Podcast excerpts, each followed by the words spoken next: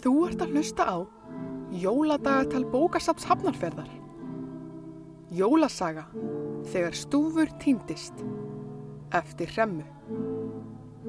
Höfundur les.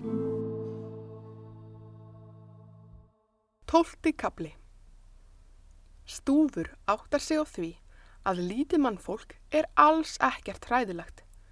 Meira að segja stóra mannfólkið er mjög kurtist og skemmtilegt. Stúfur lærir að sískinin heita Rakel, Ragnar og Róbert og að þau eigi tvær mömmur sem heita Signi og Freyja. Freyja býður Stúfi að borða hátegismat með fjölskyldunni. Hann þykkur það og fær sér sæti millir Ragnars og Róberts. Inni í eldhúsi geymir fjölskyldan fallegan töfra kassa við hlýðin á eldavílinni.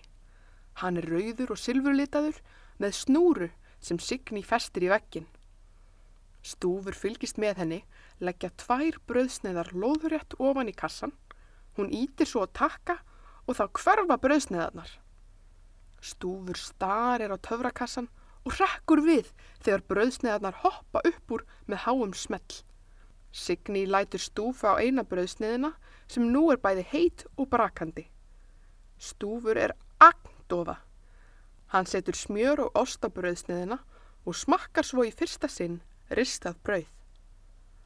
Vá, þetta er æðislegt! Gríla mamma þarf svo sannarlega að fá sér svona töfrakassa í gríluhelli, segir stúfur spentur og fæ sér annan bytta. Börnin hlæjað undrun stúfs. Eftir hádægismat fá sískininn og stúfur að skreita piparkökur.